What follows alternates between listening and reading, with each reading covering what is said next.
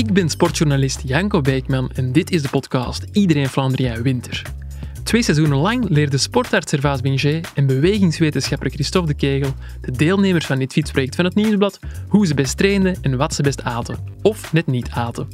Het profpeloton heeft met de Ronde van Lombardije zijn laatste grote wedstrijd op de weg achter de rug. De renners die gaan nu even rusten en beginnen zich dan voor te bereiden op het volgende voorjaar. En dat kan ook jij als wielertourist doen. In deze podcast leggen Christophe en Servaas uit wat hij in de wintermaanden moet doen en laten om perfect voorbereid aan de start van het nieuwe voorjaar te staan. Beest is los. Here There he goes goes. Pogacar now. Big attack. Van Aert, die het moeilijk heeft hoor in dat wiel van Van der Poel. Explosion de Remco van der Poel. Here goes the attack. Lotte Kopecky. Mathieu van der Poel is a monument man again. Dag Servaas, dag Christophe. Dag Janko. Hallo. Welkom in deze eerste aflevering van Vlaanderen Winter. We gaan het vandaag hebben over ons lichaam en hoe dat we daarmee moeten omgaan in die winterperiode.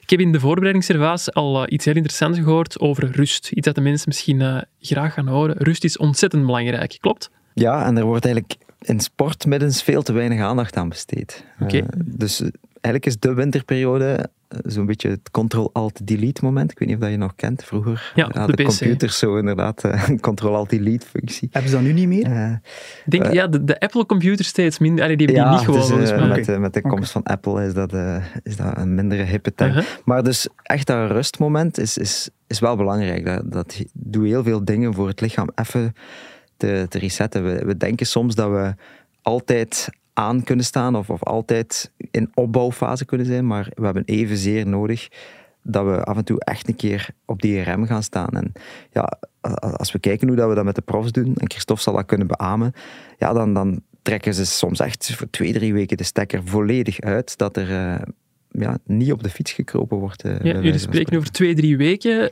Is dat de perfecte periode, twee, drie weken? Of mag het zelfs iets langer zijn? Ik zie Christophe op zijn stoel schuiven. We gaan eh, eerlijk zijn. Ehm, rust is, zoals Servaas daarnet zei, ja, cruciaal Mhm. om daarna terug er tegenaan te kunnen gaan. Eh, we moeten ook misschien heel eventjes eerlijk duiden wat er tijdens die rustperiode nu net in dat lichaam gebeurt. Ja, hè. graag. Week 1 valt nog mee Mhm. en is op zich eh, geen enkel probleem. Hou er wel rekening mee, vanaf week 2, dan gaan er eh, qua fysiologie en vooral aan de uithoudingszijde gaat er toch wel echt een cascade in gang gezet worden in dat lichaam. Dat bloedvolume gaat een beetje ja, dalen. spierafbraak begint eigenlijk. Ja, het al. morske dan. hè. Ja. Ehm, Helaas, na ja, acht uur al. ja, heel, ja, dit wou ik verzwijgen. Maar Servaas die, die maakt het nu heel dramatisch. Ja, we moeten mensen wel kunnen overtuigen van het Eh, feit dat ze moeten rusten, natuurlijk. Ja. Ja, in ja als, je, als je bijvoorbeeld een renner die een blessure gaat, die een trauma meemaakt, een val of zo, ja, in principe gebeurt er de eerste 24 uur al Ja, dingen die je, die je liever niet hoort. Maar op globaal uithoudingsvlak, week 2, dan gebeuren daar een aantal dingen en zie je letterlijk percentages dalen. VO2 Ja. max gaan we naar beneden, bloeddruk. Misschien, misschien moet, moet ik, moet, moeten we het even duiden dat, dat er twee soorten rust zijn. Mhm. Je hebt eigenlijk de rust in uw competitieperiode, in uw opbouwperiode, in uw seizoen. Die rust gebruikt je ook om het effect van je training te laten renderen. hè. Door de trainingsprikkel te krijgen gaat je schade hebben en die schade gaat herstellen en je gaat beter herstellen dan dat je voor je training waart. Dus zo gaat het verbeteren. Dat is de korte termijn rust die Ja. we gebruiken tijdens het seizoen. De rust waar we het hier over hebben, is, is even een, een, een lange rust. Om die herstelmechanismes van het lichaam echt allemaal een keer tot, tot zijn recht te laten komen. En we willen eigenlijk ook een klein beetje dat die spieren weer achteruit gaan. Want anders is de marge en de, de procentuele winst die we kunnen maken in het volgende seizoen veel te klein. Ja, want ik, ik hoor spierafbraak, ik hoor mijn VO2 max die vermindert. Dat klinkt niet meteen als iets positiefs, maar dat is het dus wel. Ja, want dat kan niet, je kunt het niet continu op dat hoogste niveau houden. Eh. Sport werkt in pieken. Dus eh, een topsporter die een bepaald doel stelt, die gaat pieken naar dat moment. En als er één iemand is met ervaring over die pieken, dan zal het wel Christophe zijn. Dus, eh, Ik eh, probeer om- dat zo goed mogelijk te doen, ja. Wordt van u verwacht bij de ploeg, denk ik. Ja. Eh, ja, dat is de, de basislijn, om het zo te zeggen. Ja. maar dus om naar die pieken te kunnen gaan, Ja. moeten, we, ja, moeten we eigenlijk gewoon een keer van, van koud terug kunnen starten. Want anders hebben we die, hebben we die, buffer, die buffer niet meer om, Nee. om dat weer goed op te bouwen. Oké. En is En- twee weken dan de limiet? Uh, twee weken is niet zozeer de limiet, maar ik denk, hè, we, hebben, we hebben hier al een aantal ja, bijna dramatische zaken gezegd voor de, voor de mm -hmm. fietser of de duursporter. Maar het is niet onbelangrijk om die signalen te ja, herkennen. Dus de ademvolume, de hartritme, dat zal allemaal een beetje veranderen. Dat gaat wat versnellen in die rustfase. Het, het is oké. Okay. Mm -hmm. Aanvaard het voor een stukje. Um, dus laat die signalen toe om, zoals Servaas daarnet zei, om dan op lange termijn terug fysiek en ook mentaal uh, beter te kunnen werken uh, verderop. Um, dus tot week 2 geen enkel probleem. We moeten wel uh, zien, ja, er is ook wel zoiets als rust-roest. Ja. Vanaf dat we echt te lang afdrijven. en dat het ook een beetje uit de mentale gewoontes gaat mm -hmm. sluipen, want ja. dat is ook iets. Dus week 3, week 4 daar zou ik echt wel de mensen zeggen, let daarmee op, zowel fysiek als mentaal. Maar die eerste twee weken reset, ja, neem die zeker. Ja. Wat mij ook wel niet evident lijkt, is ja, wielertoeristen zijn ook mensen die, die willen presteren, die ook met hun gewicht zullen bezig zijn. Mm -hmm. Gaat het ook niet eens confronterend zijn om bij te komen in die periode? Want dat zal ook wel gebeuren. Ja, maar net zoals dat we werken in competitieperiodes naar een piek van VO2 max en een piek van ja, kracht in mm. de spieren, werken we ook gewichtsmatig met dalen, is dat dan bij duursporters, ja. omdat dat gewicht natuurlijk een heel belangrijke rol speelt.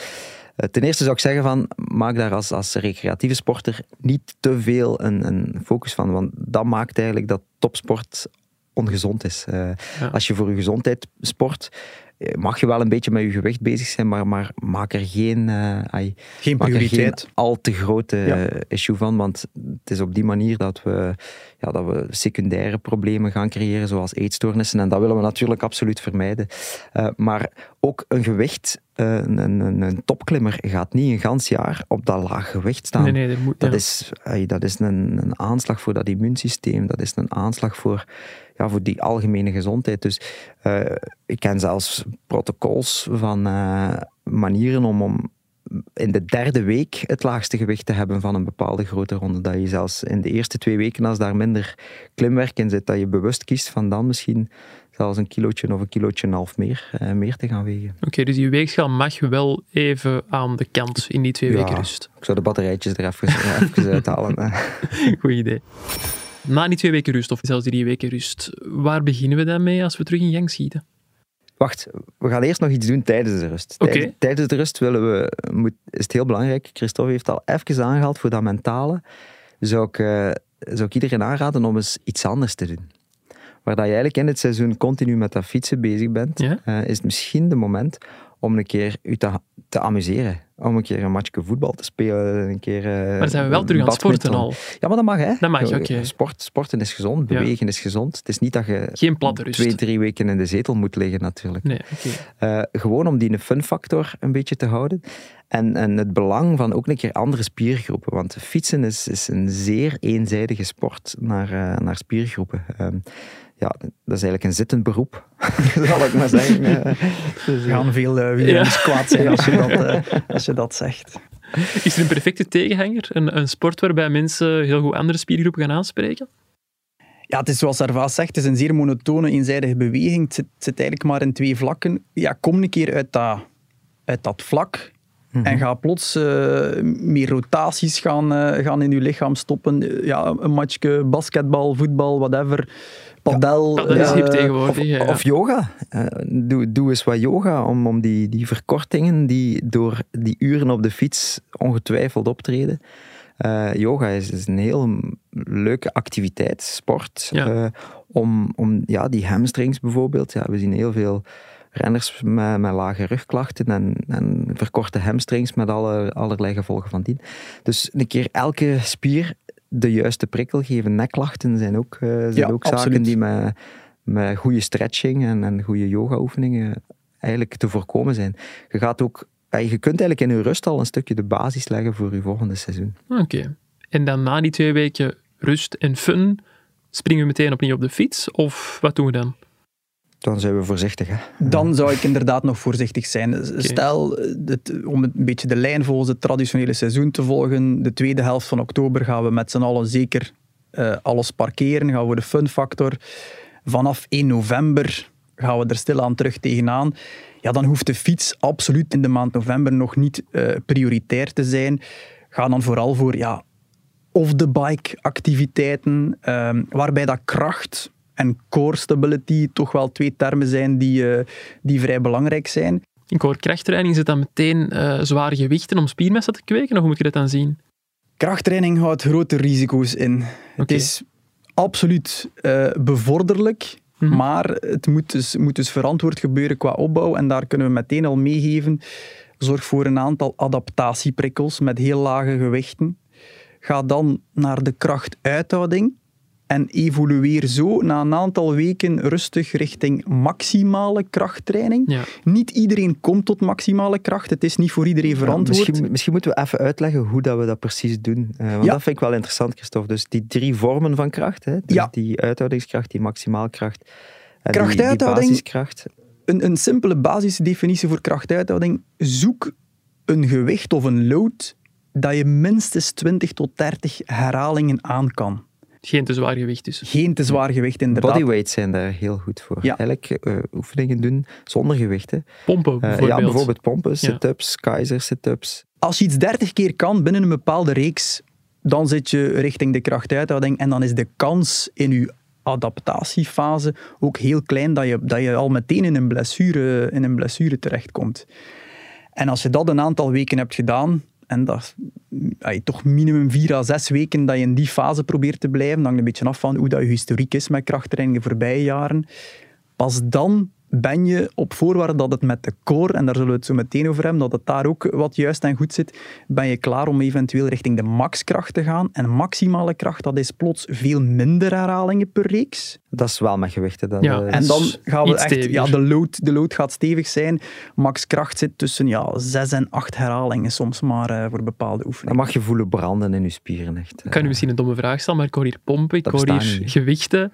Hoe belangrijk is dat op de fiets? Dat is belangrijk omdat, eh, omdat je eigenlijk de, de krachtoverzetting, dus de, de, de, power die je uiteindelijk in je conditiecapaciteit, zal ik het nu maar even Mhm, noemen, ja. dus die je eigenlijk eh, zal kunnen trappen, daar opgebouwd wordt. Eh, hoe sterker je spieren zijn, hoe, hoe meer die, die spiervezels kunnen samentrekken, hoe, hoe beter dat je gewapend bent om meer kracht uit te zetten. Dus die, die fase overslaan is, is, is geen slim idee. Meer nog, ik denk in het begin van het seizoen is het zelfs interessant om, om, om de twee te blijven doen. Eh.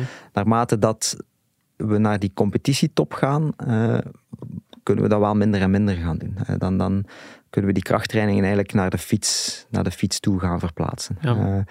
Maar ja, de kracht en de explosiviteit komt daarvan. Hè. Die komt van de basis in die periode. Oké. Core stability heb ik ook gehoord. Dat is een heel populaire term. Waar is er eigenlijk juist? Populaire term, eh, ja, laat Bij het de ons... renners is dat niet zo populair. Ja, nee, inderdaad. Als we daarmee afkomen of dat dat op de planning staat, dan eh, gaan sommige neuzen zo, die, die krullen dan zo'n beetje naar boven. Oh. Nog meer dan bij krachttraining? Krachttraining is iets die eh, ja, Ja. makkelijker Verkocht krijgt. eh, verkocht eh, wordt dan core stability. Is zoiets die er soms een beetje bij hoort of aanhangt. En, en ja, En waarom dan? Weet je is wat, sommige, sommige oefeningen in de core stability lijken super simpel en zijn een beetje saai. Eh, Oké. maar, maar het is wel super belangrijk, want een goede core, dus als die, die, die buik- en rugspieren. De romp eigenlijk. Ja, die rompstabiliteit, hè, dat is het mooie Nederlandse woord eh, daarvan inderdaad. Eh, als die goed zit, dan, dan heb je zowel betere krachtoverbrenging, dus je zal betere prestaties hebben, maar een tweede is dat je veel minder blessures gaat hebben. Eh, de meeste blessures komen door onevenwichten. Dus heel evenwichtig dat lichaam op gaan bouwen is, eh, is een heel goeie. Daarom ook dat we, dat we zo even duwden op, op doe iets anders. Ga een keer padellen, doe een keer yoga. Mhm. Omdat dat ook voor je core een, een heel goede zaak is. Eigenlijk zet je dan al aan core stability aan het doen, Ja. zonder dat je het zelf Op beseft. een leuke manier. Eh, Oké. En eigenlijk is het zo dat een traditionele fietser ja, bijna automatisch al uit balans of uit evenwicht is als het over spiergroepen gaat. Die, die, die quadriceps die zijn dan plots veel eh, geactiveerd en ontwikkeld. En je hebt een zittend beroep, zoals dat we daarnet zeiden op de fiets. Dus die, die, die core, die kern, ja, die wordt een beetje achterwege gelaten. Het is ook niet zo makkelijk om dat te activeren. Dus kunnen mensen ook wel aanraden, eh, ga een keer voor een kinebezoek die u eventjes goed kan uitleggen en kan adviseren hoe dat je nu net die, die ja, het is kern... niet gewoon sit-ups doen. Nee, nee, het is die, meer dan die kernspiertjes, die kleine onderliggende, diepere spiertjes die eigenlijk de lichaamshouding of positie bepalen, Ja. waar dat dan al die grote spieren aan vasthangen en hun werk moeten aandoen. Ja. Ja, als de kern niet in balans is of compensaties eh, teweeg brengt, ja, en die grote spieren door de krachttraining wordt die quadriceps bijvoorbeeld altijd maar sterker en sterker. Hij gaat meer en meer gewichten nemen, maar de lichaamshouding eh, geraakt uit balans. Ja, dan creëren dus echt problemen. Daar, daar is niet zozeer de functie zuiver kracht, maar ook coördinatie is Ja. daar heel belangrijk. Dus, en daarom zijn die oefeningen soms, die zien er soms heel simpel uit. Als je, als je bijvoorbeeld dan in een, eh, ja, in, de, in een positie op handen en knieën, eh, dan eigenlijk gewoon contralateraal, dus eigenlijk de rechterarm gaan de strekken Superman-houding? en het linkerman. De Superman-houding is, is, is meer liggend op de grond, op je buik. En, en de, maar Superman-houding is ook een, een van de oefeningen die in core stability programma's wordt gebruikt. Maar bijvoorbeeld je rechterarm gaan strekken en je linkerbeen strekken. En zo vijf, vijf of tien of twintig of dertig seconden blijven staan. Eh, ja, dan zie je heel vaak die correcties optreden. En het zijn die kleine correctietjes die je op dat moment maakt, die de training zijn. Eh, want je hersenen leren op die manier die houding ook heel goed aan. De Eh, kracht te balanceren. Dus eerst ja, het is niet zozeer de kracht balanceert, het is de coördinatie vinden tussen al die spiergroepjes. En zo ga je eigenlijk die kleine rugspiertjes, dat Christophe het daarnet, eh, en die kleine buikspiertjes. Eh, en de psoas is daar ook een superbelangrijke. eh, de wat? de psoasspier, dat is eigenlijk een grote spier die vertrekt van de achterkant van onze rug. En die dan eigenlijk zo naar het eh, bovenbeen loopt. Echt de verbinding van het bovenstel en het onderstel. En Dus, die door, de, door het hele seizoen in, een bepa in die bepaalde fietshouding te zitten, met die vrijgesloten bekkenhoek, eigenlijk automatisch een beetje verkort en verkort en verkort. Dus het is belangrijk dat je daar ook echt iets rond, eh, rond doet in die, in die tussenfase. Oké. In de Chinese geneeskunde is de, de psoaspier ook een, een heel belangrijke spier voor algemeen welzijn. Eh, dat daar eigenlijk, omdat ja, dat is echt de communicatie tussen uw bovenlichaam en, en uw onderlichaam. Eh, en dus eigenlijk uw, uw, uw houding, niet alleen de houding in 3D, maar ook uw, uw houding van hoe sta je in het leven eigenlijk. Eh, Dat is de link die ze daar in de Chinese geneeskunde mee leggen. Dat is mooi. Hebben jullie nog tips om die goed te onderhouden, die psoas? Stretchen. Heel veel Die, stretchen. die psoas gaan stretchen. En daar zijn een heel goede yoga-oefeningen voor te vinden.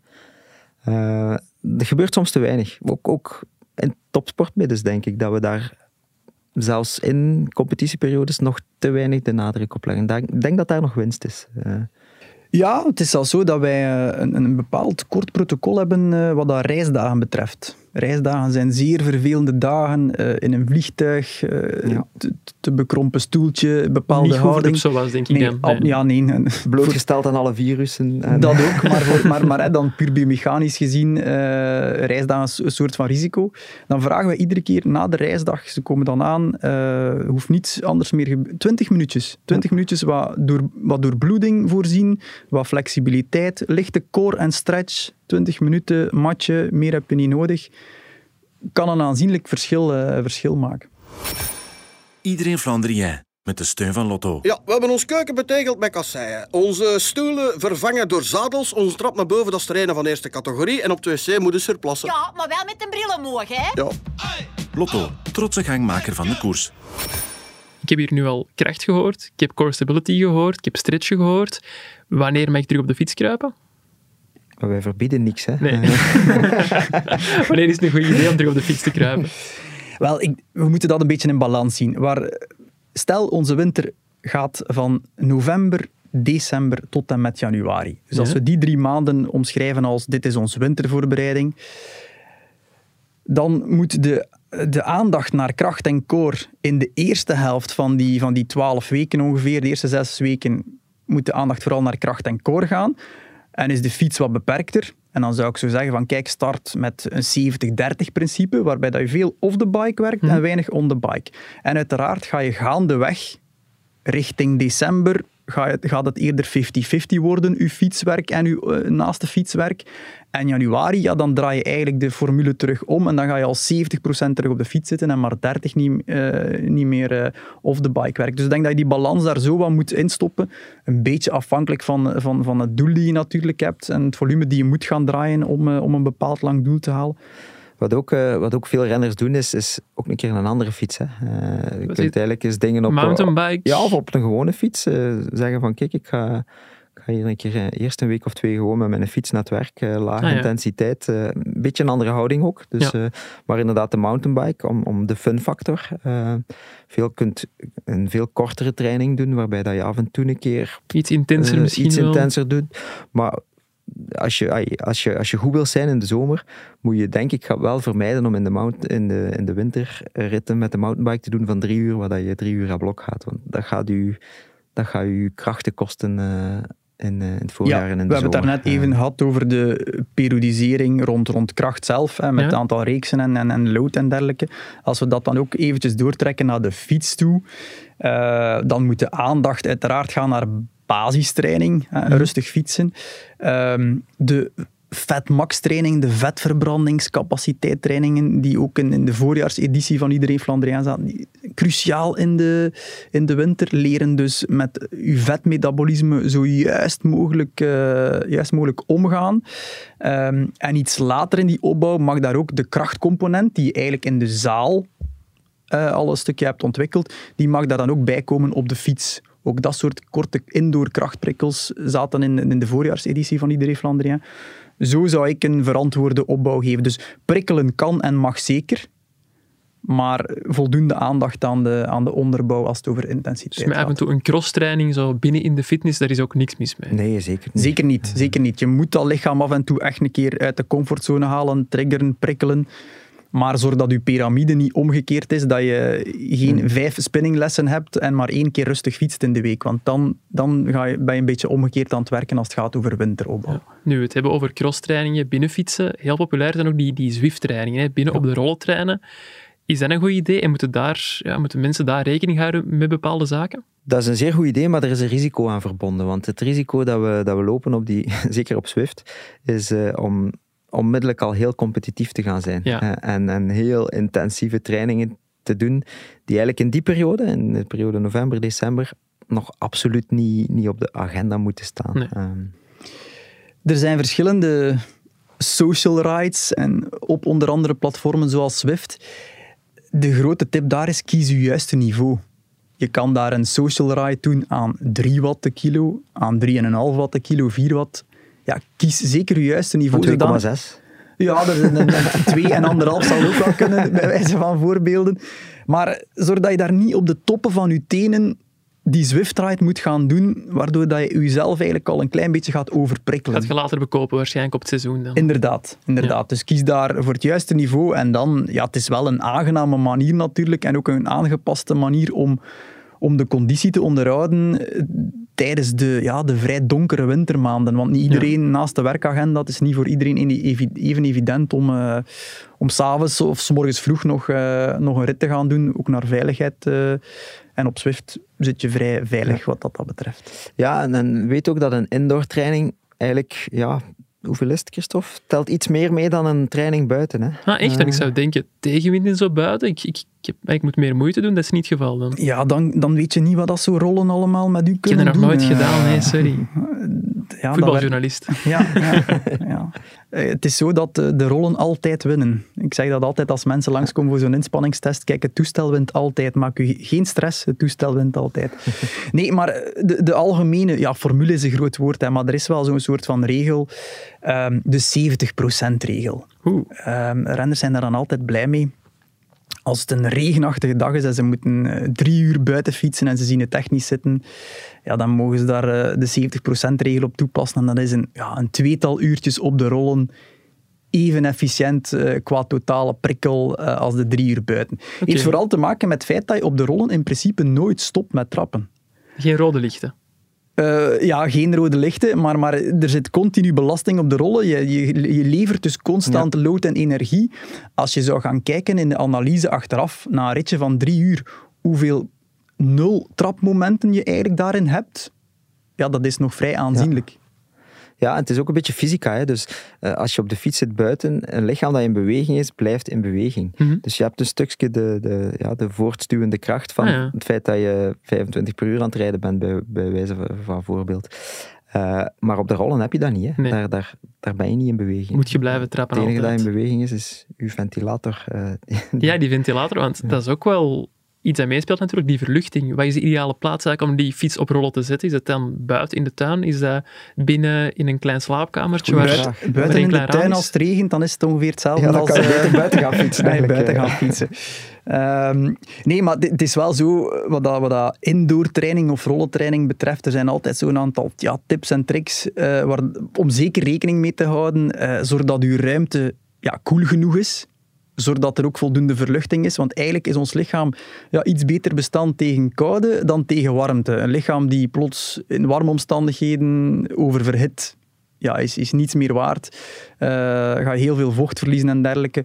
Dus een koele ruimte waarbij voldoende verluchting is. Eigenlijk, ik, ik ken een aantal mensen die in de garage, met de garagepoort open, fietsen in de winter. Ja, dat is eigenlijk een van, een van de meest geschikte ruimtes.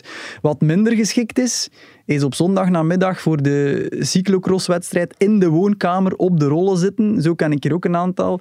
Voor huwelijk meestal ook niet zo geschikt. Ja, dat zou kunnen. Daar ben ik geen expert in. Maar ehm, dan gaan er wel een aantal dweilen onder de, onder de rollen moeten liggen in de woonkamer eh, als je naar de cyclocross kijkt. Dus dat is minder aan te raden. Op zo'n rollentraining zie je ook hoeveel vocht dat je verliest. Hè? Ja. Eh, dus dan, als je inderdaad dan dat plasje ziet liggen, is vrij substantieel. En, en als je fietst in beweging, ja, dan verdampt dat ook iets sneller en dat, dat, dat verdwijnt. Dus dat maakt het ook in, in de rate of exertion, Mhm. noemen we dat. Dus Ja. eigenlijk in, in hoe, hoe zwaar voel je de training aan. Dat maakt eigenlijk een rollentraining ook sowieso zwaarder. Eh, misschien dat de, luisteraars al gemerkt hebben dat, dat ze veel makkelijker hoge hartslagen rijden als ze buiten rijden, dan als ze dat binnen moeten, naar die dezelfde hartslag gaan, dat dat, ja, dat, dat echt zwaar doortrappen is. Oké, dat is wel interessant.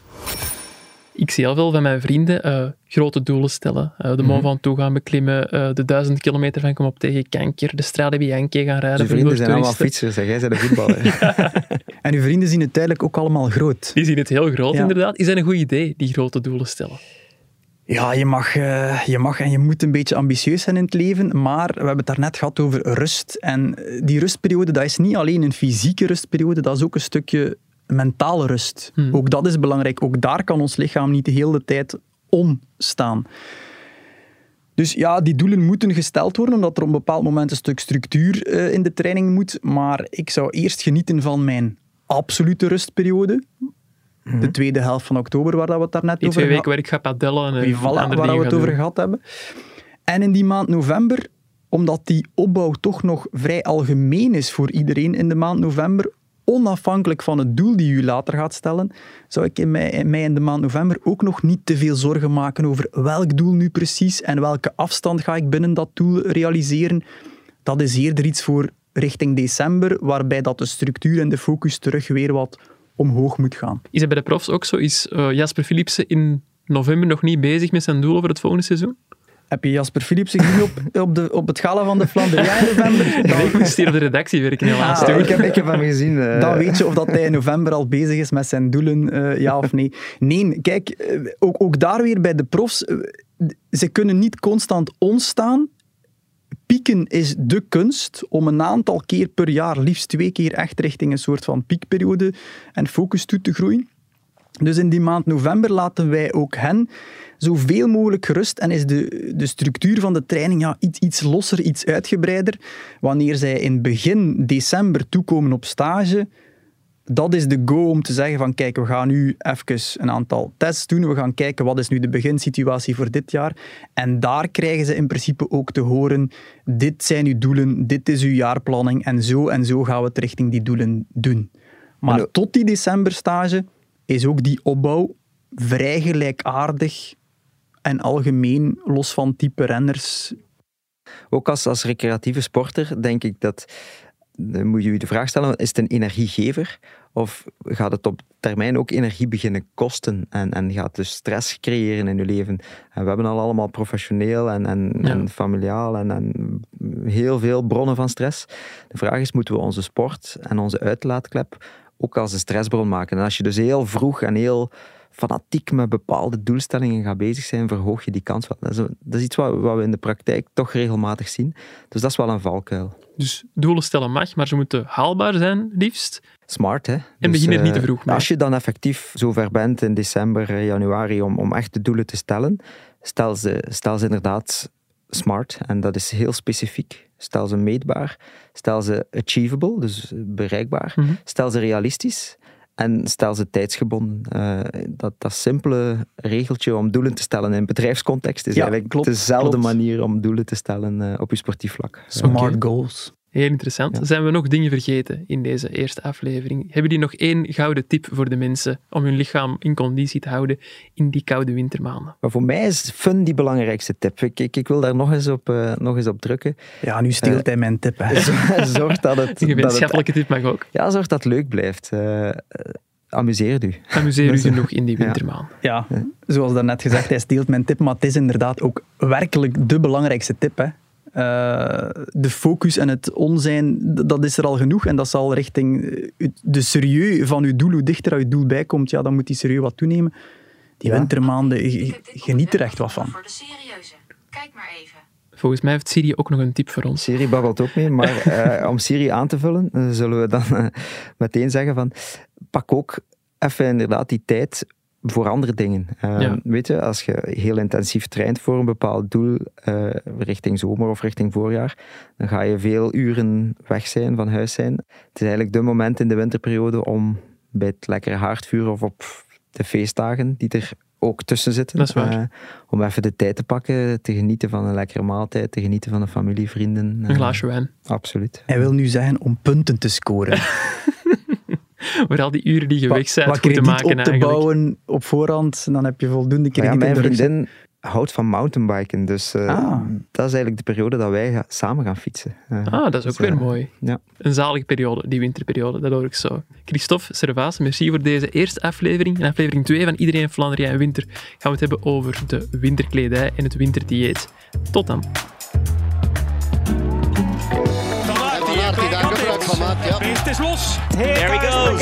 Now, big attack. Van Aert, die het moeilijk heeft hoor, in dat wiel van Van der Poel. Explosie de Remco Van der Poel. Here goes the attack. Lotte Kopecky, Matcher Van de Poel is a monument man again.